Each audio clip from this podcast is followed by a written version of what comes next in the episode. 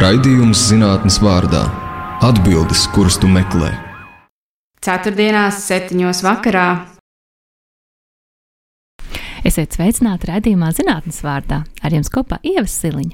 Klausītāji, ko tu dari brīžos, kad noturētu vairāk naudas? Ja ver vaļā darba sludinājumus un meklē labāk atalgot darbu, lūdzu palīdzību ģimenei vai varbūt izvēlies piepelnīties kādā no digitālajām platformām. Tas šķiet kā tik loģiski, laikos, kad ar digitālu platformu palīdzību iepazīstamies, mācāmies svešvalodas, komentējam politiku, iznāmājam auto vai pasūtam picu. Un Amerikas Savienotajās valstīs katrs piektais no strādājušiem esot saskāries ar digitālo platformu nodarbinātību, jeb gig work, kā saka angliski, un runā, ka nākošajās desmitgadēs arvien vairāk cilvēku strādās tieši šādi. Bet kas tieši slēpjas aiz darba digitālajās platformās. Šodien studijā viesojas Latvijas Kultūras Akadēmijas pētniece un lektore Mājas Puriņa un Latvijas Kultūras Akadēmijas pētniece un docente Iveta Ķešāne. Labdien! Labdien! Labdien. Māja Iveta, jūs īstenojat tādu projektu ar sarežģītu nosaukumu - Digitālajās platformās nodarbināto autonomijas izpratnes un prakse. Nu, ko tad tas tā īsti nozīmē cilvēku vārdos? Jā, nu, Tas nozīmē, ka mēs pētām digitālās platformas un tieši kā tiek veikts darbs caur digitālajām platformām, un pētām to no darbinieku viedokļa. Pagamāji, bet kas tās digitālās platformas ir? Nu, tā kā izstāstīja, kas ir, kas nav. Tātad digitālās platformas ir IT uzņēmumi, ar kuru palīdzību, jebkuri kalpo kā vidutāji, lai mēs kaut ko darītu, kaut, lai kaut ko paveiktu. Un viņas ir ļoti dažādas. Pieņemsim visu Varbūt zināmākā ir piemēram Facebook, ar kuras digitāla platforma, kura kalpo kā vidutājs starp cilvēkiem, cilvēkiem komunicējot. Nu, vai... Droši vien Tinderis labi derētu, Tinder. kādas online spēles varbūt tā kā arī skaitītos, vai ne? Mm. Vai ja es vēlos nopirkt kaut ko Amazon e-veikalā? Jā, Amazon arī tādā ziņā, kamēr ir sevišķi tajā laikā, kamēr viņi paši vēl uh, tā kā neko neražoja. Bet kamēr viņi bija tikai platforma, caur kuru Kur var tirgotāji ah, tā kā es SLV patiesībā. Jā, jā, tieši tā. Tās ir tā kā IT uzņēmumi, kuri it, it kā ir tikai vidutāji, bet vienlaikus jāņem vērā, ka, ka tie nav nekādi neitrāli vidutāji. Viņi lielā mērā diktē noteikumus, kā šī komunikācija, vai, vai, vai sadarbība, vai iepazīšanās, vai, vai darbs notiek. Nu, tas algoritms, kas patiesībā mums te visu diktē, vai ne? Tieši tā, al algoritms, kurš it kā ir tikai algoritms, lai viss būtu ērtāk, bet patiesībā uh, lielā mērā nosaka, ko mēs varam, ko mēs nevaram, un, un, un kā, kā tas viss notiek. Mm -hmm. uh, Iebet, kā, jā. kā jūs nonācāt pie šādas tēmas? Uh, tas varbūt papildinot ar ko Māja teica, un atgriežoties pie tā nosaukuma, kur mums parādās tas autonomais izpratnes un prakses. Tas kā mums tas uzsvers, ja pēc tā nosaukuma ir redzams, ka ir uz to vārdu autonomija. Un tur tas stāsts ir tāds, ka mēs to pētījumu pieteikumu sagatavojot, protams, iepazināmies ar literatūru, kas jau citviet pasaulē ir izpētīts. Un, ko pētnieki ir atklājuši. Un tas, ko mēs redzējām, ja, tā literatūra kaut kādā mērā ir ļoti polarizēta. Ja, no vienas puses, tas, ko, kas tajos pētījumos iezīmējās, ka šo te, mm, platformu strādnieku šie darba apstākļi, nodarbinātības apstākļi ir ļoti prekāri, jeb sistēmiski nedroši. Ja, tas nozīmē, ka viņiem ir zems eh, atalgojums, ja neparedzams darba laiks, nav skaidrs, vai arī būs darbs vai nebūs nu, darbs. Veselības ja. apdrošināšana droši vien nav nekāda labuma. Jā, nav šī tieši tā, kā jūs sakat, nav veselības apdrošināšana. Bet no otras puses, tas, ko mēs redzējām literatūrā, ka parādās arī šis te, mm, termins, ka ir ļoti liela autonomija, brīvība, fleksibilitāte. Nu, cik gribu, tik strādāju. Jā, cik gribu, tik strādāju. Gribu, gribu, tad strādāju. Gribu, tad strādāju. Tieši, tieši tā. Bet, um, bet uh, tad, protams, nu, Tie visi pētījumi bija īstenot kādās citās valstīs. Ja? Tas, ko mēs pamanījām, ka šāds pētījums nav īstenots Austrum Eiropā ja? par šīm digitālajām platformām. Un, protams, mums kā pētniekiem mums ir jālieto šī socioloģiskā iztēle, ja? kas nozīmē, ka mums vienmēr ir svarīgs konteksts, kurā kaut kādi procesi notiek. Un Latvijas kontekstā nu, jau pētnieki izsenis ja jau kādu laiku runā par šo te, mm, ne, neoliberālām transformācijām pēc Padomju Savienības sabrukuma, un, un, un kas notiek, ka tur ļoti spēcīgas ir tādas idejas, kā individa atbildība, ja, kā individam nevajag neko Ka, gaidīt. principā no mēs valsts. esam savādāk kā cilvēki, Jā, cilvēki jā. Amerikā un savādāk skatāmies Jā, uz lietām. tā. Tas varētu mūs ietekmēt Un mums citādi. interesē, ka tas tā labi rezonē ar to literatūru, ka mums ir teša, nu, tiek uzsvērta šī te individa autonomija, un it kā tās platformas arī piedāvā, un kā tad tas tur būs, vai ne, tai mūsu lauka darbā, un īstenībā mums attiecībā šo ir tādi interesanti atklājumi, un mēs to, Nu, par to mēs parunāsim, Jā, jā, par to mēs tad parunāsim. parunāsim, jā. Aklā maija tas nozīmē, ka mums tā kā būs jaunas profesijas ienāks, vai tās ir tās pašas vecās profesijas citā formā? Nu, patiesībā tā īsti jaunas profesijas tur īsti nav. Uh, drīzāk tas ir kā tas darbs tiek veikts. Un, um, un runājot tieši par uh, digitālo platformu darbu, uh, var tā kā nošķirt arī liekas, ka uh, uzreiz prātā nāk, manuprāt, uzreiz prātā nāk tie, ko mēs pētām, teiksim, šie ēdienu piegādes kurjeri. Bet patiesībā šādu, šādu darbu ir, arī citi dažādi darbi. Ir piemēram digitālās platformas, kura, kurās darbs notiek pilnīgi nesatiekoties darba veicējiem un um, saņēmējiem. Piemēram, Piemēram? ir daudzi dizaineri un programmētāji, kuri, digitāli kuri strādā. Mhm. Jā, kur, kur tu pasūti darbu, ir tāds Upwork un Microwork uh, platformas. Vēl ir, jā, jā, Uh, pabāriem, Vai jā. arī ir Latvijā ļoti zināma platforma Gete Pro. Kas arī ir digitālā darba platforma, caur kuru tu vari pasūtīt uh, santehnikas pakalpojumus, elektriķi, uh, jurista pakalpojumus, visu kaut ko. Un, uh, un visi īstenībā visas šīs lietas jau ir bijušas pirms šīm platformām. Vienkārši tas, kā notiek. Uh, Teiksim, tas- Atrašana vienam jā, otra. Jā, atrašana, tā līguma noslēgšana, tā ir ļoti tāda, caur, caur, to, caur to platformu notiek ļoti kā vienkāršotā, teiksim, veidā. Kas ir vēl tās lietas, kas būs platformās pieejamas? Um, Mēs secējām, atrast, tātad, tad atrast kādu speciālistu. ā, tā, taksometra pakalpojumi, protams, mm -hmm. tas Mhm. ir ā, līdzīgs tā kā, tā kā ēdienu, ēdienu piekāpes kurjeri.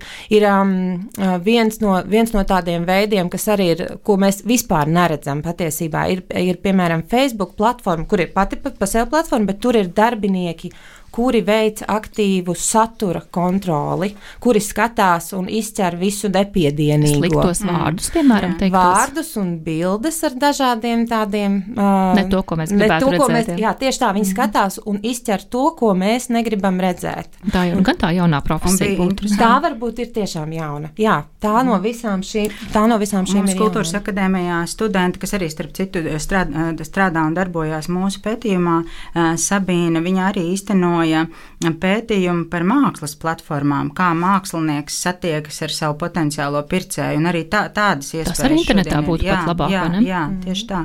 Tā kā ļoti daudz. Bet vēl domājot par tām, jūs jautājat nu, par, par tām, kas mainās, kādas jaunas profesijas eh, š, eh, saistībā ar šīm digitālajām platformām, un domājot cauri, caur tiem datiem, kas mums ir, ka viena interesanta lieta, ko mēs ierauda, ieraugam, ka varbūt netiek radītas šīs jaunās profesijas, bet rodas iespēja ar to, ka ir līdzās šī platforma nodarbinātība, darīt lietas, kas man jau vienmēr ir patikušas un bijušas tuvas, bet kas kaut kādu sociālu vai ekonomisku apstākļu rezultātā man šobrīd nav iespējams. Jo mums bija mm, vismaz divi respondenti, ja, jeb informanti, ko mēs intervējām, nāk prātā, kam ir savs bizness, kas viņiem ļoti patīk, pie kā viņi grib turēties un ko viņi grib saglabāt, bet kaut kādu apstākļu rezultātā, vai covid, ja, vai, vai, vai, vai ziema, vai pagājušajā bija ļoti pieauguši šo te, mm, rēķinu. Ja, maksājumi, tad jā. tā bija iespēja saglabāt to savu biznesu. Tā kā pišķi piepelnīties. Piepelnīties lokus, vai būtībā, ja, jo tev nav tā kā jāiet pie cita darba devēja un jākļūst lojālam kādam citam, bet tu tos robus vari aizlā- Vai aizlāpīt. ar studentam, piemēram, ka tev ir, ka tev ir jā. lekcijas, un nezinu, kāds grafiks būs nākošajā semestrī, bet nu, tomēr Jā. jā. izdevumi jau ir daudz un gribās papildus kaut jā, ko, vai ne? Tieši tā, jā. Kādas vēl ir īpatnības šādam nodarbinātības veidam? Jā, mēs runājam, tātad, nu, tātad viens šis te īstermiņš, jā, ka tas varētu būt um, uz īsāku brīdi, vēl kādas iezīmes. Nu, tur daudz, teiksim, tas īstermiņš arī ir interesants. Nu, tieši runājot par ēdienu piegādes kurjeriem, ir interesanti, ka tu patiesībā vispār neveido ilgtermiņa attiecības, un tev katra tā piegāde, katra piegāde ir atsevišķs kontrakts. Un tas kontrakts pat nav, eh, tas kontrakts ir starp kurjeru, restorānu un klientu. Un tas tā, tā platforma, kura patiesībā ir ļoti nu, būtiska visā tajā, viņi ir tikai nodrošina to vidi it kā. It kā tikai nodrošina to vidi. Un tas kontrakts, tev ir viens kontrakts, un tev ir nākamais kontrakts, un tu katru dienu strādājot, tu apstiprini, tu izēj darbā, tev pienāk, pievedīsi šo piegādājumu? Jā, nē un tu noslēdz kontraktu, un tad tu viņu izpildi. Cik ātri jāpieņem šis lēmums? Es domāju, pārtikas um, pasūtītāja pusē jau tas brīžam ir ilgs laiks izvēlēties. 30 sekundes bija, bija, bija, bija tie kurjeri, kas minēja, tur arī mainās tie nosacījumi. Viņi tā kā maina šīs platformas tos nosacījumus, bet 30 sekundes tev, tev iet, jo tas ir cilvēkam ir ļoti, ļoti īsts brīdis pateikt, jā, jā es ņemšu šo darbiņu, vai nē, es neņemšu. Jā, un arī sanāk, ka ļoti īsts brīdis, teiksim, izrēķināt galvā, tagad, jā, vai man tas ir izdevīgi, vai man, vai man ir izdevīgi vest šo pasūtījumu, cik es nopelnīšu. No pārdagos uz purciem, piemēram. Jā, jā un, un, un tev pretī ir algoritms, kurš to dara me, nu, milzīgos ātrumos, un tam cilvēkam ir jāpieņem šis līmenis. Tas ātrums, nu, vismaz šī konkrētajā tajā kurjeru darbā, es domāju, arī taksometra darbā, tas ir, jā, tas, tā, tā ir tiešām tāda jauna lieta. Bet, zinām, tas ir diezgan negodīgi, jo skaidrs, ka algoritms būs ātrāks jā. un labāk izrēķinās, un tā teikt, vienu soli viltīgumā priekšā šim cilvēkam. Mm, pilnīgi noteikti, un arī jā. tā informācija, kas ir pieejama tam algoritmam, tas datu apjoms par visu to, ko, ko analizē algoritms un ko analizē platforma, un tas, kas ir pieejams pašam kurjeram, lai viņš pieņemtu lēmumu, tas arī ir nesalīdzināms. Tā ir tā informācijas Jā. asimetrija. Tāpēc šobrīd arī nu, Eiropas Savienības līmenī ir diskusijas par šo platformu nodarbinātības direktīvu, un īstenībā nu, tās diskusijas, kas ir aiz šīs direktīvas, saistās tieši ar to, ko jūs tikko runājāt, ka īstenībā tam pamatā visi šie ēdienu piegādes kurjeri, viņi skaitās kā neatkarīgi darba ņēmēji ņēmēji. Ja? Nu, kā tiesiski, kā uzņēmēji gars. Jā, uzņēmēji gars, jā, viņi ir, teiksim, pašnodarbinātie, ja? bet tajā pašā laikā tas, ko tikko jūs arī pareizi minējāt par šiem algoritmiem, nu, būtībā, nu, algoritms kontrolē visus procesus, ja? līdz ar to, nu, tev ir ļoti maz īstenībā tās fleksibilitātes, mm -hmm. ja, mhm. kaut ko, nu, organizēt, ja, un kontrolēt to, to savu dzīvi. Nu, būtībā tu esi atkarīgs no algoritma lēmuma, ja.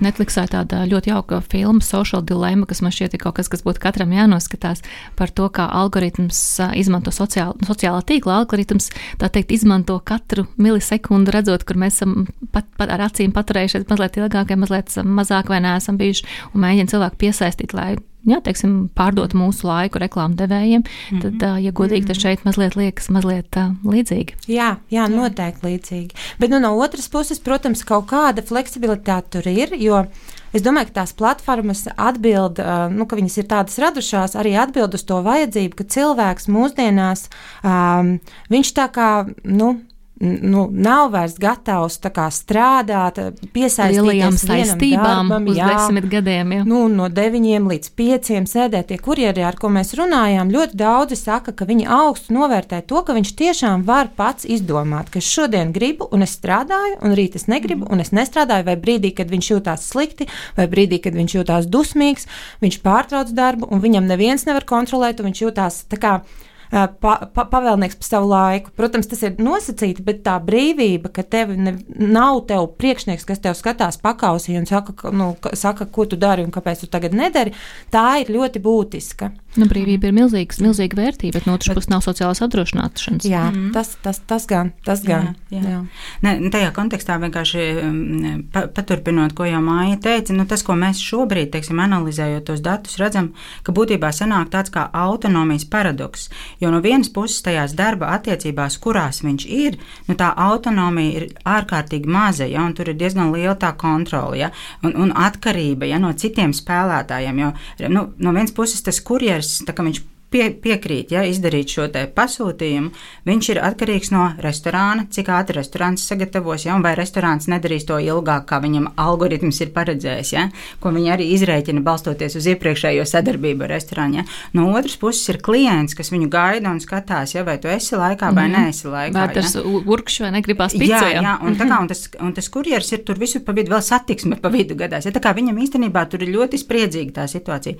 Bet no otras puses tieši tā, kā māja, kā māja māja stāsta, nu, tas, tas, tas kurjeris, viņš jau nav tikai kurjeris tajā savā mm -hmm. dzīvē. Viņš ir vecāks, viņš ir eh, draugs, viņš ir aprūpētājs dzīvniekam vai kādam vecākam cilvēkam. Ja? Un, un tajā kontekstā tas darbs viņam tomēr sniedz to autonomiju, jo viņš ir brīvis strādāt tajā situācijā, kad viņš var, ja, ja viņam vajag bērnu kaut kur aizvest, vai viņam tas nu, cilvēks, ko viņš aprūpē, viņš jūtas slikti, viņam nav jāiet pie darba devēja, iespējams jājūtas par to slikti, zinot, ja varbūt tas darba devējs nav atbalstošs, ja un jāizlūdzās tas laiks. Viņš paņem to laiku sev brīvi, ja? vai situācijā, ja mēnesis iet uz beigām, nauda makā beidzās, ja? ko darīt? Ja? Nu, jāiet, no, nu, teiksim, klasiskā situācijā pie darba devēja jāiet lūgt avans, ja? bet kā šeit mums atsevišķi cilvēki min, nu, ja vajag, es strādāju 250 stundas mēnesī, ja es redzu, ka man vajag tos ienākumus, turklāt samaksa ir katru nedēļu vai katras divas atkarībā no šīs platformas. Ja nevajag, es strādāju 15 stundas mēnesī. Tā kā attiecībā pret šo plašāko dzīvi un lomām, kas cilvēkam ir, īstenībā tas darbs tiešām piedāvā tādu zināmu autonomiju un brīvības sajūtu. Jā. Tagad ir laiks mūzikai, pēc tam, kad noskaidrosim, kādi tieši ir šie cilvēki, kas strādā platformās.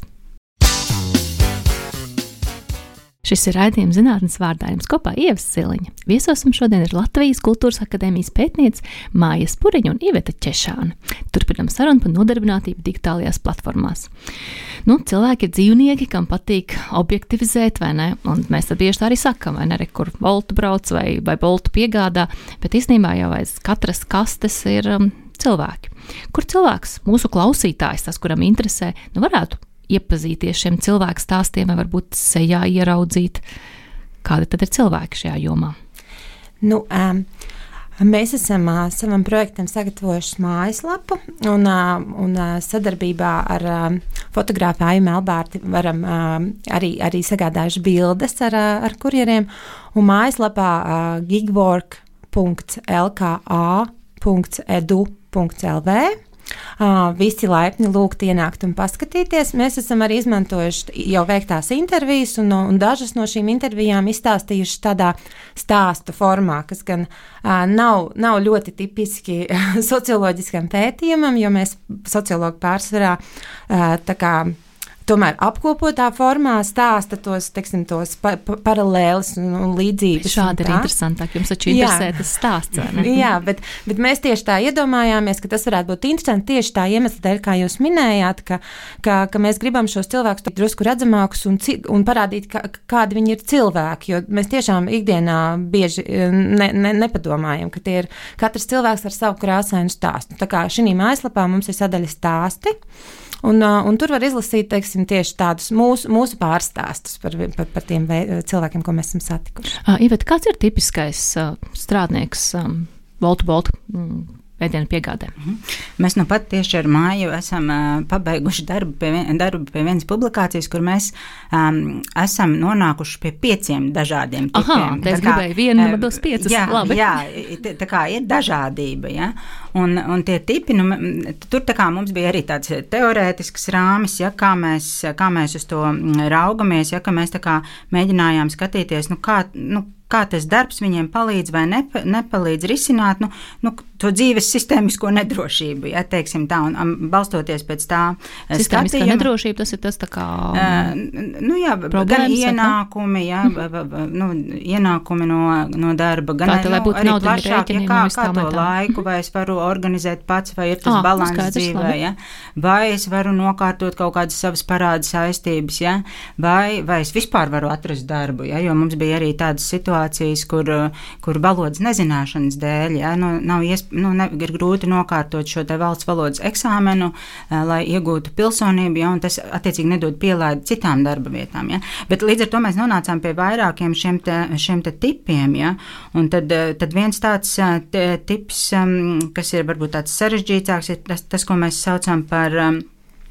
par iesprostotajiem kurjeriem. Tas varbūt oh, ir iesprostoti, kā cilvēku. Nē, ka viņiem īstenībā noteiktajā tajā dzīves situācijā ir ļoti maz citu iespēju. Ja, ka, nu, faktiski ir ļoti grūti um, izmantot kaut kādas citas darba iespējas, un tad šis te uh, darbs. Tas būtu tā valodas nezināšana, piemēram. Ja? Jā, tas būtu viens gadījums valodas nezināšana. Šī gadījumā, piemēram, viens stāsts, kur vīrietis, viņš labprāt strādātu par taksistu. Uh, viņš bija zaudējis darbu mm, rūpnīcā, viņš bija gandrīz visu mūžu tur nostrādājis, tagad um, viņam ir 50 pāri gadi, ja viņš šo darbu zaudēja, un viņš labprāt strādāt par taksistu, bet viņš to nevar izdarīt, jo viņam nav šīs pietiekamās valodas mm -hmm. zināšanas. Viņš paralēli, protams, cenšas visu laiku to eksāmenu notikt, nolikt, bet neizdodas. Viņš arī stāsta, ka viņam bērni visi runā latviešu, bet viņam pašam, diemžēl, ar to tik labi neiet. Un tad šis ir tāds risinājums. Ja viņš arī šī situācijā, kad tas cilvēks ir iesprostots, kā mēs sakām, ja viņam arī nav varbūt tik labas attiecības pret šo darbu, viņam tas tik ļoti nepatīk, ja viņš vienkārši ir tādā situācijā. Vai ir arī situācijas, kur cilvēkiem ir kaut kāda tiesvedības procesi, ja, kur ir parādi pie, piedzinēji aiz viņiem un tam līdzīgas lietas. Ja, un šis darbs ļauj nu, kaut kā saglabāt to, to autonomiju, jo, jo, mm. jo tajā nu, klasiskajās darba attiecībās darba devējs vienmēr par to uzzina. Un tur tad ir emocionāla spriedze. Ja šeit tu vari noslēgt, noslēpties šajā darbā. Aiz kastes. Aiz kastes. Tā sanāk šajā gadījumā aiz kastes, jā. Bet ir arī situācijas mums tādi, un, un tur bija diezgan daudz tādi, diezgan daudz tādi kurjeri, kas īstenībā ir ar ļoti labām izglītībām, ar labām darba pieredzēm, mm. bet, bet kas ir noticis, ka tā dzīves situācija ir mainījušies, kādas citas lomas ir ieguvušas milzīgu nozīmi viņu dzīvē, ja, vai viņiem ir radušās citas intereses vai citas atklāsmes, un viņi ir atklājuši, ka šis darbs ir nu, lielisks risinājums. Mums bija vairāki, kas no IT jomas nāk. Ja, tie vairs vienkārši... nav izprostot, kāda tad tie mums sanāk, kur ir. Kā mēs viņus nosaucām? Mēs viņus nosaucām kurjers kā, kā pilna laika darbs, jo patiesībā jā, ļoti jā. daudz, nu tā bija, bija daudzi šie kurjeri, kuri veic šo darbu absolūti pilna laika. Viņi ir absolūti mm -hmm. profesionāļi, viņi, uh, viņi uh, nopelna pieklājīgu, pieklājīgu atalgojumu. Es drīkstu jautāt, cik ir pieklājīgs atalgojums? Um, Nu, teiksim, vispār tas bija viens no pārsteidzošākajiem šī tajā, ko mēs vēl neesam līdz galam teiksim, apcerējuši. Bet tās diapazons, ko kurjeris saka, cik viņi var nopelnīt un kā viņi vērtē šo, šo, šo iespēju nopelnīt šajā darbā, ir ļoti, ļoti plašs. Ir tādi uh, kurjeri, kuri saka, ka tas ir verga darbs un var nopelnīt labi, ja 500 eiro mēnesī. Un ir kurjeri, kur var nopelnīt 2000 mēnesī. Tas jau būtu bez no, no, nomaksātiem nodokļiem, nu, jau, ja? Nu, nu, ar nodokļiem tas smalki. ir vēl atsevišķs stāsts, kā, kā, tas, kā tas notiek, bet principā tas, ko, tas, ko nu, mēs tā kā skatoties šīs intervijās un vērtējot par šo, par šo lielo, milzīgo atšķirību, cik var nopelnīt. Um, uh, nu, novērojām, ka šie kurjeri, kuri pieiet šim darbam tiešām kā uzņēmēji, kuri kritiski skatās, viņiem ir, viņiem ir milzīga pieredze jau. Viņi kuru darbu izvēlēties, kuru nē, tad jāsaka. Jā, kuru sekundēs. izvēlēties, kuru nē, viņi uztur sakarus ar citiem kurjeriem. Viņi, uh, viņi labi pārzina, jā, viņi jā. labi pārzina aplikāciju, viņi labi pārzina savas tiesības, viņi labi pārzina nodokļu likumdošanu un zina, uh, kādā veidā viņiem pieregistrēties, kādā veidā pareizāk, ko viņi, ko viņi var zin, norakstīt. Ko var arī, norakstīt, jā, teiksim, jā. lai būtu mazāk un, šis nodoklis. Pieiet sloks, tiešām ļoti tā kā aktīvi tam darbam, nevis kā darba ņēmēji, kā uzņēmēji. tiešām kā uzņēmēji. Viņi arī saka, ka var nopelnīt. Tie ir tie mm -hmm. cilvēki, kas izvēlās nevis kaut kur programmēt uh, pie jā. datora 8 jā, stundas bet, dienā, bet bet arī tas viens stāsts bija ļoti interesants, jo tam puisim um, bija izveidojusies ģimene, un viņš saka, nu, ka būtībā tajā kontekstā, kad tev ir jauna loma, parādījusies tas IT darbs, nu, viņš, nu, viņš kļuva kaut kādā mērā neiespējams, jo, kā viņš stāstīja, ja viņam uzra, uzradās tas IT darbiņš, ja, jeb IT gig, kā mēs varam no, nosaukt, ja, tad viņš saka, dažkārt man nācās pazust uz divām diennaktīm, kamēr tā IT problēma tiek atrisināta risināta, ja tā informācija tehnoloģija problēma. Viņš saka, bet ņemot vērā, ka viņam ir jaunas lomas dzīvē, viņam tas vairs nedara. Ja? Nu, bet tu nevari pieskatīt. Jā, tā, jā tieši tā. Jā, 48 stundas. Ģimenei palīdzēt. Un tad šis ir nu, lielisks risinājums, ja, kā, tā, kā to izdarīt. Un viņš bija viens no tiem, kas bija ļoti strateģisks, kā māja tikko stāstīja, ja, kā tās lietas darīt, darīt un risināt. Un arī apzinājās to, ka tas ir algoritms, jo ļoti daudz arī pieietam labtecīgi tie cilvēki. Viņi tā kā zina, ka,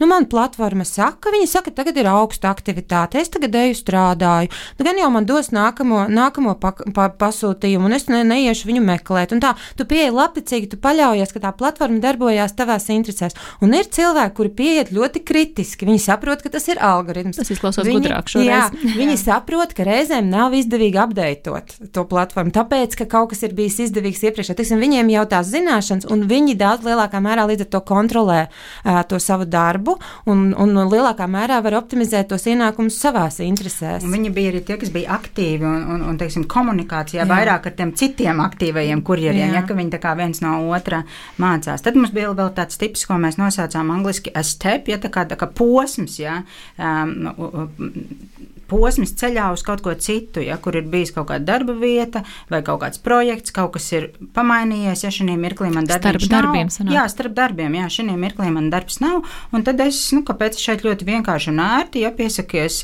ar Boltu, parasti tas process ir garāks, bet ar Boltu īstenībā parasti ļoti ātri tas notiek. Piesakos gandrīz pāris dienas un eju strādāt, ja, un var nopelnīt, un jau pēc nedēļas saņemu kaut kādu ienākumu.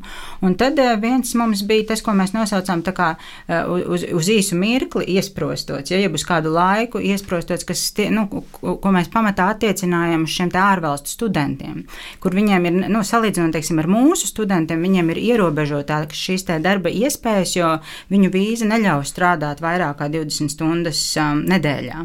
Un, un, un viņi ir meklējuši citas darba iespējas, bet tas darba devējs vienmēr saka, ka nu, būt, jūs esat labs kandidāts, bet, diemžēl, 20 stundas mums nedara. Ja? Mums vajag, lai jūs varat strādāt vairāk.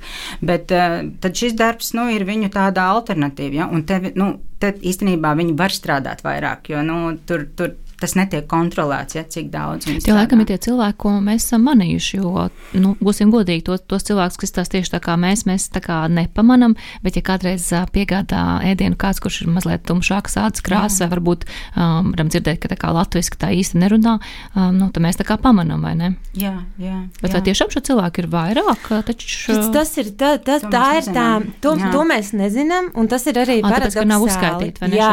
Nē, nu, es domāju patiesībā, ka pašām platformām platformām tas datu apjoms, kas viņiem ir par, nu, par tiem kurjeriem un par visām šīm transakcijām, kas notiek, viņiem ir milzīgs un viņi analizē ļoti detalizēti, bet viņi šos datus nedod, tāpēc, ka tas ir komerces noslēpums, tie ir IT uzņēmumi. Līdz ar to tādu kvantitatīvu datu nav par to, kas strādā un cik, cik tādu teiksim, objektīvu, analītisku, akadēmisku datu par to nav. Ne, ne mums, ne arī citur pasaulē. Un sanāk, ka nu, nākās kā, nu, kā pamatoties uz to, kam tu vari piekļūt. Nu, mēs tā kā grūti pateikt līdz ar to, cik tiešām ir imigranti un cik ir vietējo, bet vietējo ir ļoti daudz. Jā, Nav tā, ka jā. tie ir tikai imigranti, tas ir pilnīgi skaidrs. Un, un mēs patiesībā mūsu pētījumā sanāk, ka nu, intervējām vairāk vietējos nekā imigrantus. Nu, cik vairāk? Mēs kopā nointervējām 56 uz doto brīdi, un 11 no tiem bija imigranti mm, no dažādām valstīm. Mm. Un tas bija tāpēc galvenokārt, ka visi, ar ko mēs, ko, ar ko mēs runājām, imigranti, visi bija ārvalstu studenti, un visiem tas stāsts viens bija ļoti, ļoti jā. līdzīgs. Nu, jā, ar... nu, bija viens izņēmums, kur jā. bija puisis atbraucis šeit kā ārvalstu students, bet tad viņš bija apprecējies ar latviešu meiteni, un viņu, viņam status jau bija mainījies. Un viņš jau bija izmēģinājis citas darba e, iespējas šeit, Latvijas tirgo. Viņš bija strādājis restorānos, jo viņš nāca vispār no viesmīlības nozares. Bet nu, tas, viņš to vienmēr apsauca ar vārdu politika, bet tas, kas nu, izklausījās, ka tās darba attiecības tajos um, viesnīcu restorānos nekad neveidojās tādas labas pret viņu. Nu, viņš, nu, acīm redzot, jutās diskriminēts un tam līdzīgi. Un šis darbs arī viņam bija labs risinājums, jo nu, te tu esi pats par sevi, ja? un viņa gadījumā cilvēki ļoti novērtē, ka viņš runā latviešu, jo viņš, tāpēc, ka viņš bija apprecējis latviešu metēm, viņš bija iemācījies latviešu valodu, un arī intervija notika būtībā latviešu valodā. Nu, brīžiem mēs kaut ko angliski arī runājām.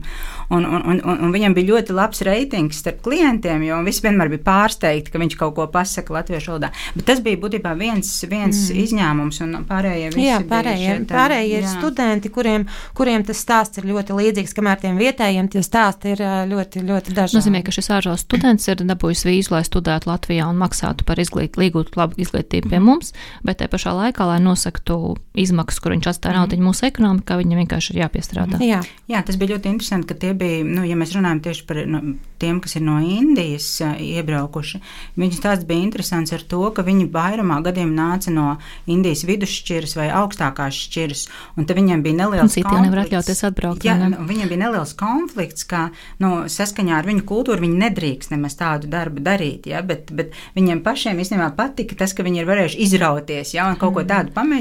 Un dažkārt viņi ir milzīgi entuziasmi par to um, kurjeru darbu stāstīt. Bet mums bija vēl viens tips. Jā, jā, jā, jā. Tad, tas arī ir ļoti interesants jā. tips. Ir tādi um, cilvēki, kuri nemaz nemeklē patstāvīgu darbu. Uh, viņiem ir tas. tas, uh, tas um, Viņa, mēs to nosaucām kā, kā, kā gigvoru, kā, kā dzīves stils. Jo viņi runā par šo darbu, viņi tā kā meklē pieredzes, un viņi, viņi nemaz nu, nemeklē kaut kādu, kur viņi tagad strādās, pat ne, nerunājot par visu mūžu, bet pat, pat ga, gadu, teiksim, strādās. Viņi vienkārši plūs no viena īstermiņa pieredzes uz nākamās īstermiņa Cilvēki pieredzi. dzīvo šodienai. Jā, tieši tā, un viņi krāja to. To pieredzi, un tas kurjera darbs viņiem arī tā kā tāda pieredze. Un tur starp viņiem ir gan kāds mākslinieks, gan kāds IT students. Un, un tas tāds interesants liekas, ka varbūt mēs esam sa- sasnieguši kaut kādu tādu, nu, novērojuši kaut ko tādu, kas varbūt ir kaut kas jauns tajās darba attiecībās, ka cilvēki tā kā vairs neasociē e, sevi ar darbu, ka tā identitāte mana nav. Es esmu sociologs, un tu esi žurnāliste. Un Un kā mēs tagad kurjeris, vai Jā, un tu esi kurjeris. Viņi tā neasociē, viņiem ir sava identitāte, viņi veido citu, un tad viņi kaut ko dara. Kaut ko dara, un tas nemaz nav definējoši. Un tas ir ļoti, man liekas, interesants novērojums. Man šķiet, ka lielākā daļa šo kurjeru ir ā, gados jauni vīrieši, studenti.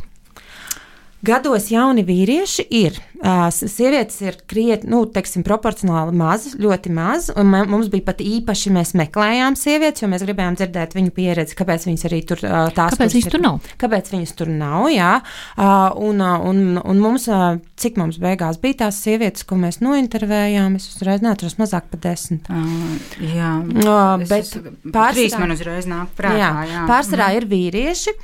Gados jauni arī jā, ir, bet, bet, bet ir arī cilvēki vecāki. Mums, teiksim, vecā, vecākais kurjers, ko mēs intervējām, bija 60-gadīga sieviete. Ā, Tā kā nu, arī tas tāds arī stereotipisks skatījums, ka ir tikai gados jauni vīrieši, vīrieši studenti. Tas, tas arī tā nav. Viņi tomēr ir diezgan dažādi. Kas ir tas, ko stāsta ā, citi cilvēki, piemēram, dāmas? Kāpēc dāma ir mazāk? Tā grūti, ja domājam, man uzreiz nāk prātā mm, viena kurjera sieviete, kuru es intervēju un kur ar, ar riteni tieši brauc. Ja? Uh, Viņas gadījumā viņa bija 40 gadus jauna.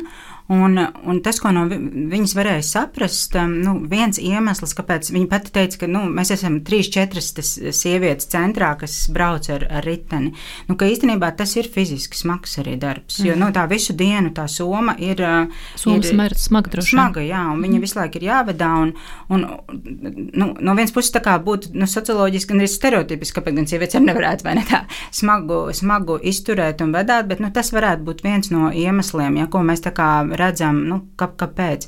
Bet no otras puses ir variants braukt ar auto, ja, un, un teiksim, sieviete, ko māja minēja, ja, 60-gadīgā kundze, nu, viņa bija tas cilvēks, kuram kurjeris ir mūža darbs, ja, būtībā, un viņa ļoti fleksibli ar to auto mācīja. Viņas gadījumā tas bija mm, labs darbs, tāpēc, ka to viegli varēja savienot ar aprūpes lomu, kas arī viņai bija jāveic, un, un, un viņa bija ļoti entuziastiska, viņai arī bija savas stratēģijas, un, un, un teiksim, nu, skatoties uz viņu, liekas, kāpēc ne, ja, nu, ja ir auto, jebkura sieviete to būtībā varētu darīt, bet, nu, kaut kādu iemeslu dēļ, jā, tas, tas nenotiek, iespējams, satiksme vai, vai nav auto, vai... Nu, Iespējams, tā arī ir izpratne par sievišķīgu un vīrišķīgu Jā, jā. nu, profesiju, kaut kādā veidā tāds kultūrāls priekšstats. Jo, jo to, protams, arī tās sievietes, ar ko mēs runājām, arī nu, izteica neizpratni, kāpēc ne. Jo viņas ir izmēģinājušas, bet es domāju, ka iespējams daudzas sievietes pat ne, ne, neapsver šo, bet mēs neesam ar viņām runājuši. Līdz ar to mums grūti, grūti pateikt, kāpēc jā, ne. jā.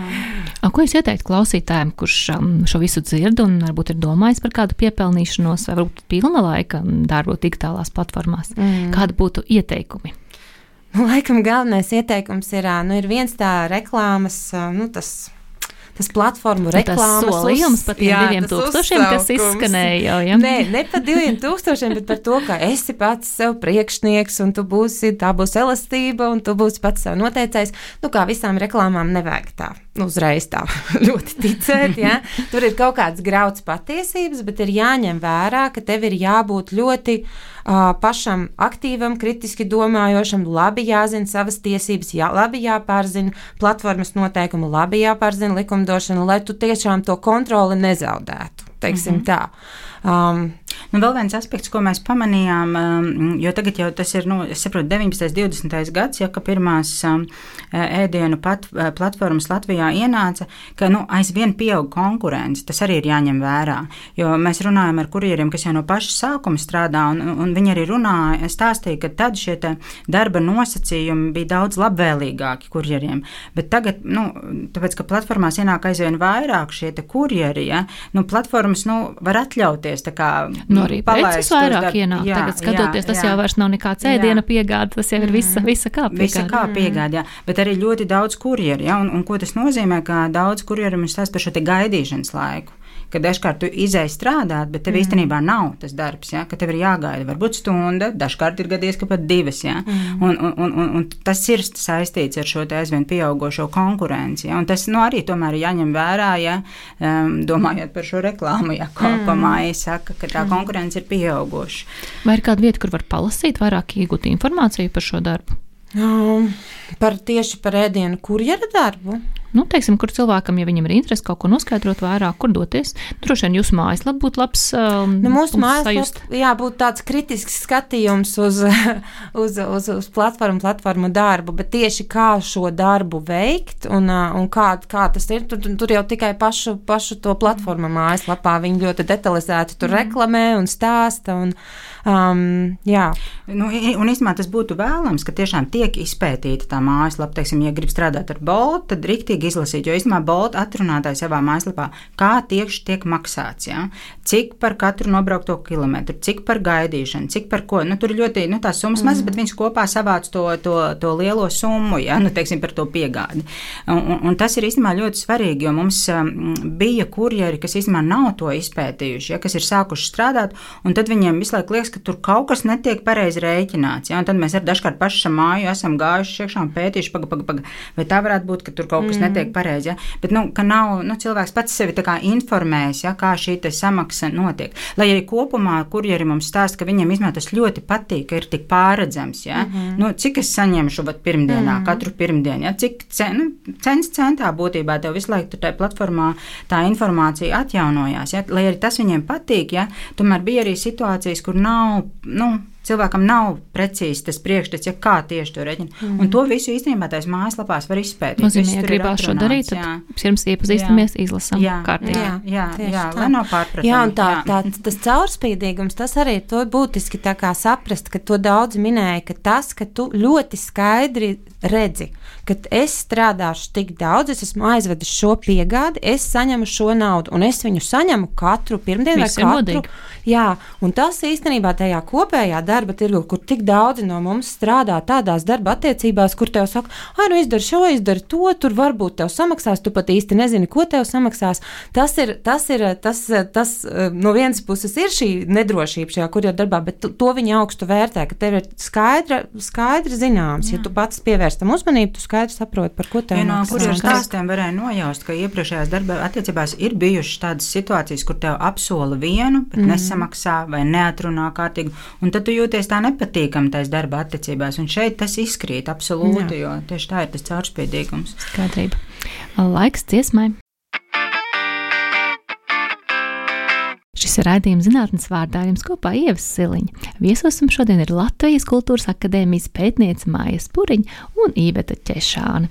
Nu, daudz no mūsu klausītājiem sekot diskusijām sociālos tīklos, piemēram, X, jeb bijušajā Twitter, un ir pamanījušies, ka ap šo projektu ir bijusi tāda kā šūmēšanās. Nu, daži komentēja, ka Volt un Volt kurjerus nedrīkst pētīt. Tā ir būtu izniekota nauda, bet nu, cita aizstāvēja sociālo zinātņu nozīmi un pētījumu kā tādu. Nu, gal galā pilnīgi jauna tendence tendence nodarbinātībā, visi saskarsimies ar to.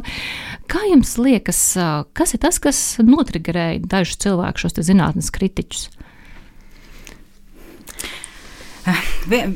Tas, kas um, liekas, kas iezīmējās, nu, mums arī nu, mēģinot lasīt līdzi un izsekot arī diskusijām ap šo šūmēšanos, ja kā jūs minējāt, ap mūsu pētījumu, ka nu, tiek kaut kādā mērā sagaidīts, ka nu, kāds būs tas labums kāds vienā vietā pat izskanēja finansiālā atdeve. Ja? Kāda būs pētījuma finansiālā atdeve? Nu, kāds, nu, kāds mums ir ieguvums? Nu, tad te droši vien tas, nu, tas, tas mūsu pētījums ir jāieliek plašākā šajā sociālo un humanitāro zinātņu rāmī, un, un, un, un kopumā sociālās humanitārās zinātnes ir vērstas uz to, lai veidotu empātiskāku un iekļaujošāku sabiedrību caur viņu izpratni. Ja? Tāpēc mēs viņus pētām un analizējam, lai saprastu, ja? Kā šī sabiedrība darbojas jau maksimāli no dažādiem skatu punktiem, ja? nevis no kaut kāda privileģētā. Nu, tieši sabiedrībai punkta. būtu to jāgrib. Jā, tieši tā kā, pusē. Un, un tur ir tas joks, ka ironiskā kārtā caur šīm diskusijām mēs tā kā uh, noliedzam šīs sociālās un humanitārās zinātnes, kas īstenībā ir vērstas uz tās labbūtības veicināšanu. Uh, bet, bet interesanti, nu, tas nav tā, ka tas ir, nu, ka tas ir tikai Latvijai specifiski. Ja? Te, tepat nesen Latvijā ir izdota un iztulkota. Mm, Itālijas literatūras kritiķa un filozofa ordinas grāmatiņa Neliederīgā liederīgums, un arī austriešu filo, filozofa Līsmana darbs Izglītība kā provokācija. Un arī abi šie autori iezīmē, ka arī citviet pasaulē būtībā nu, aizvien vairāk tiek apšaubīts sociālo un humanitāro zinātņu liederīgums. Un tieši arī šī finansiālās atdeves aspekta dēļ, Tātad, ja kāds no tā būs, nu, kur būs produkts, ja teiksim tā. Tā tad utilitāra domāšana, Tad, kā es jā, varu izmantot jā, savā, jā, savā jums, labumā jums visu, vai ne? Tieši tā, tāda utilitāra domāšana, bet nu, tās sociālās attiecības jau ir jau nav par, par mantisko, ja tas nav par to finansiālo. Ja mēs gribam nu, dzīvot tādā saskaņā un solidaritātē, un, un tās sociālās un humanitārās zinātnes ir tās, nu, kas vērš uzmanību uz tām sociālām problēmām, kas var nu, kavēt ja, šos te, nu, iekļaujošos aspektus, ja, vērš problēmu uz radikalizāciju, eh, es atvainojos, vērš uzmanību uz radikalizāciju, vērš uzmanību uz polarizāciju. Nu, to īstenībā dara šīs sociālās zinātnes, ja, un, un arī humanitārās, ja, un mākslas, ja, teiksim, ja mēs domājam domājam par kursīšu firmu, filmu, piemēram, Oļeks un Modris, ja, vai um, mēs ar māju runājām, ja, piemēram, par uh, grāmatu Svina garša, ja, nu, tas viss ir vērts uz to, lai, nu, mēģinātu saprast, ja, kas ir bijuši tie procesi un notikumi, ja, kas ir radījuši kaut kādas marginalizētās grupas un, un kā Svina garšas gadījumā, ja, šo te, nu, cilvēku iznīcināšanu būtu. Jā, es teiktu pat vēl tā vienkāršotāk, man liekas, ka sociālās zinātnes, um, nu, no vienas puses var saprast, ka cilvēki, mēs visi esam eksperti. Mēs visi esam patiesībā mēs neesam, dzīves. Mēs jūtamies. Nē, bet mēs esam, jo mēs dzīvi dzīvojam. Mēs dzīvojam dzīvi, mēs orientējamies, mēs, mēs, mēs sarunājamies, mēs tā kā tādā ziņā esam ekspertiem. Bet tas īpatnējais ir tas, ka mēs katrs esam, mēs redzam to, to, to sabiedrību un to pasauli no sava diezgan šaura tāda skatu punkta. Un tas, ko dara sociālās zinātnes, viņas sistemātiski, uh, sistemātiski skatās uz pasauli un, un, un paskatās no dažādiem. Mēs visi esam dažādi. Mums katram ir savs. Savs skatu punkts, dažādām grupām ir savs skatu punkts, un sociālās zinātnes uh, norāda uz šo dažādību, Savā parāda kopā. šo dažādību. Jā, un, un, un it kā piespiež uh, piespiež tevi izkāpt ārā, bet tas ir ļoti vērtīgi, ka tu izkāp ārā. Nevis vienkārši tāpēc, ka cilvēki dažādi, un man tas ir ļoti interesanti, ka viņi ir dažādi, bet mēs bieži nonākam kaut kādās situācijās, kur pēkšņi ir kaut kāds konflikts, un tu mēs tā kā nesaprotam, kas notiek, kāpēc viņš, kāpēc viņš tagad uz mani kliedz. Ja?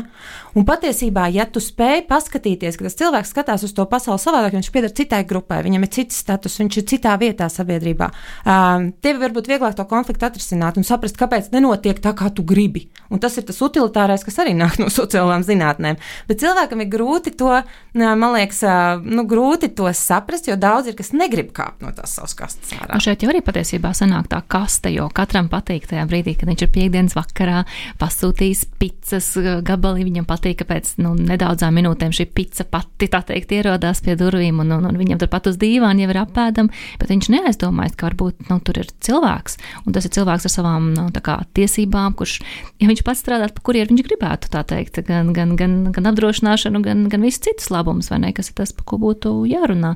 Varbūt tas vienkārši ir tā, ka mēs neredzam daļu cilvēku. Pilnīgi noteikti mēs neredzam daļu cilvēku. Mēs pieejam, pieejam cilvēkiem kā, kā tādam līdzeklim. Mēs vienkārši līdzeklis, daļu... kā tikt līdz picē. Jā, jā. līdz picē. Tieši tā. Man, mans, manā, manā tajā redzējumā, mans mērķis ir tagad paēst. Un tad uh, tur pa vidu, kas tur notiek, kā tā pica tur tiek un kā viņa tiek līdz manim, mani tā kā īsti neinteresē, kamēr tik es esmu paēdis. Bet tas ir ļoti bīstami. Paskatīties uz cilvēkiem, skatīties uz cilvēkiem kā vienkārši uz līdzekļiem, ir ļoti, ļoti bīstami. Vai varētu būt vēl kādas uh, cilvēku grupas, ko mēs šādā ziņā ignorējam? Es domāju, ļoti, ļoti daudz, daudz apkalpojošā sfēra, piemēram, eh, tramvaju trolēbus vadītāji, vai tie paši sētnieki, vai, vai tie uh, veikalu pārdevēji, vai uh, nu, ļoti, ļoti daudz. Kurš būtībā? Jā, kurš, jā, jā, jā. Kurš strādājošais? Tā būtu laikam lieta, pie kā būtu mums katram jāpiedomā. Mm -hmm. Pat ja mums ir paveicies strādāt kādu, tā teikt, augstāk izglītotu vai, nezinu, kā nosaukt kādu privileģētāku darbiņu, tad tomēr neskatīties uz leju, jo mēs nevaram iztikt bez šiem cilvēkiem. Tas mm -hmm. ir ļoti, ļoti vajadzīgs. Tā, jā. Klā, bet ko darīt klausītājiem? Ja mūsu klausītājs ir par pētījumu, nu, un rodas sajūta, ka, nu, kaut kas tur nav īsti tā kā tīrs, ja? Nu, ko, ko tu darīt? Kur, kur meklēt, kur interesēties?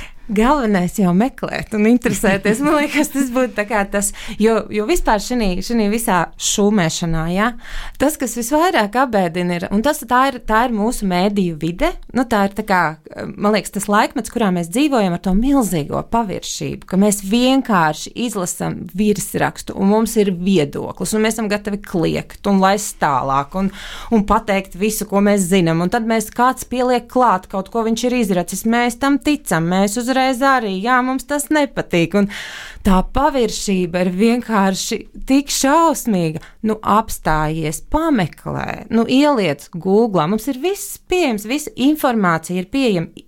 Iedziļinies, izlasi līdz galam. Uh, un tas jau, būs, tas jau būs daudz. Jā, jo bija tāda interesanta situācija, ka mūsu mājaslapā bija viena mm, pētījuma prezentācija ielikt. Ja? Un kāds to bija ielicis, ka redzēt, nu, 16 lapu pētījums, to jau var izdarīt jebkurš eh, bakalaura students. Bet, eh, bet kas šajā kontekstā ir, ir, ir, ir svarīgi, ka, un, un kas, ko man liekas ļoti daudz nepamanīja, un ko bija tik vienkārši pamanīt, ka pētījums ir trīs gadu ilgs. Šobrīd mēs esam tieši pētījuma pusē, nedaudz pāri tai pusē. Ja?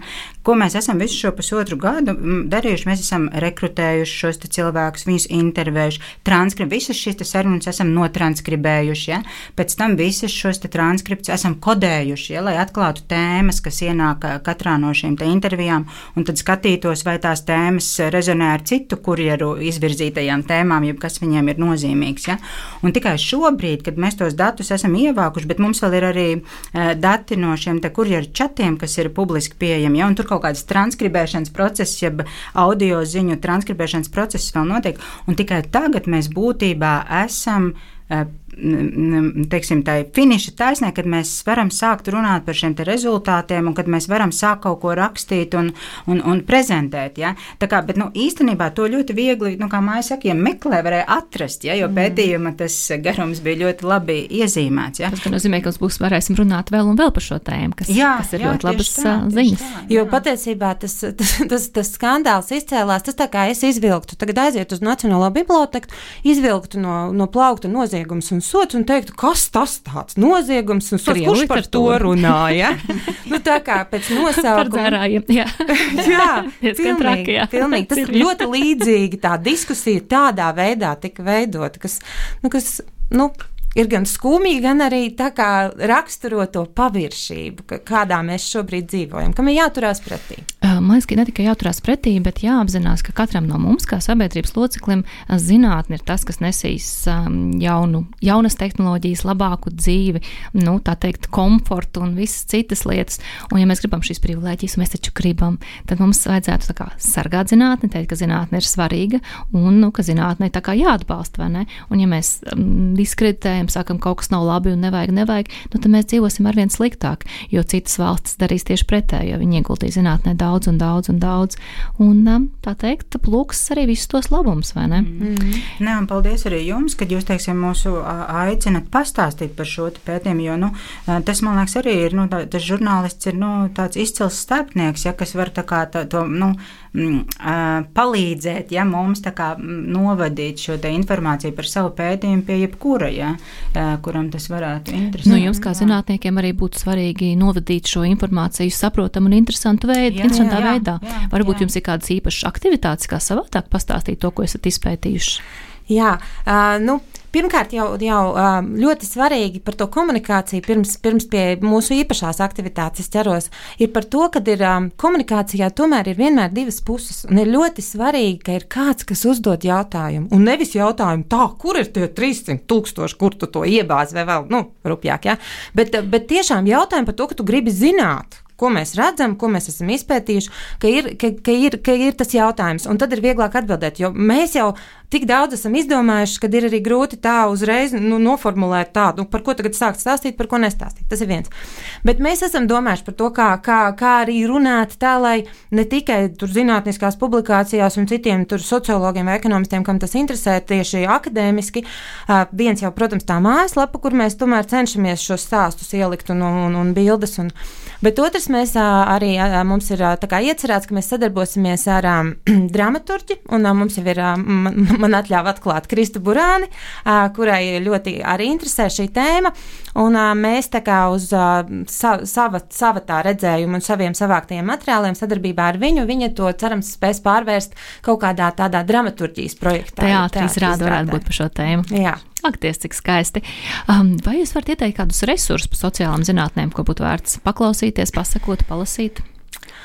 Nu, tādus vispārējus, tā kā tādus ievads socioloģijā vai ievads sociālajās zinātnēs, mēs tieši ar Ivetu pirms nākot uz, nākot uz raidījumu tieši tā domājām, vai tādi ir vai tādi nav. Un latviešu valodā secinājām, ka Nav, bet, bet, bet brīva tirgus niša. jā, brīva tirgus niša. Bet ir ļoti daudz um, literatūras un žurnālistikas, kura ir ļoti socioloģiska. Es, piemēram, domāju, teiksim, tie paši raidījumi, normāla ģimene, dzīve bez melnraksta, tie ir ļoti socioloģiski, tādi uh, žurnālistiski raidījumi, kuri skatās, kuri ļauj izkāpt no tās kastes, no tās savas priekšstatu par ko, par ģimeni, ka ir redz citādāks, vai, vai par, par dzīvi, kāda ir, kāda ir cilvēka dzīve un dzīves gājums. Tāpat ir ļoti daudz socioloģiskas literatūras, piemēram, kalendārs mani sauc Andra Kalnozola darbs, ir izteikti socioloģisks darbs. Es nezinu, protams, cik šie žurnālisti vai cik šie literāti izmanto pētījumus tieši, lai novestu, bet, teiksim, tas ir tas, kur, kur tu vari. Tas būtībā, kur māksla, ja, literatūra, filmas nāk mums palīgā, lai ļautu iekāpt tajā cita kurpē, ja, mm. lai ļautu izprast to, veidot kā empātiju. ir būt citā pozīcijā, mm. jā, un veidot to empātiju. Un tas ir nu, tādā mm. populārzinātniskā veidā būtībā. Jā. Jā. Nobeigumā, kas ir viena lieta, kas klausītājiem noteikti būtu jāiekomē par darbu digitālās platformās? Nu, man liekas, liktos tas, ka, ka, ka, ka tu nevari ticēt akli saukļiem, ka ir elastība, un ir brīvība, un ir jaunas iespējas, bet tev tam ir jāpieiet kritiski. Paldies, Maija. Iveta, kā tev šķiet? Uh, nu, un, un, un, un tomēr līdzās arī visai tai kritikai. Man liekas, nu, ka tomēr ir forši, kad um, ir šī platforma nodarbinātība, jo tas tomēr sniedz kaut kādas iespējas un ļauj cilvēkiem tādā plašākā kontekstā, domājot par viņu tām citām lomām, kas viņu dzīvē ir, tomēr nu, saglabāt kaut kādu to kontroli pār savu dzīvi situācijā, kad klasisks darbs, ja klasisks darba attiecības to neļauj. Tas ir risinājums. Jā. Mm -hmm. Paldies, Iveta Maija, paldies par sarunu. Atgādinu, ka raidījumā zinātnes vārdā viesojās Latvijas Kultūras Akadēmijas pētniece un lektore Māja Spuriņa un Latvijas Kultūras Akadēmijas pētniece un docente Iveta Ķešāna. Studijā bija Ievsiliņa. Lai sakot jauniem mūsu radio, atceries piesakot at radio un ap kanāliem sociālos tīklos Facebook, X un Instagram. Lai jums visiem darbīgs vakars! Atā! Raidījums zinātnes vārdā - atbildes, kuras tu meklē. Ceturtdienās, septiņos vakarā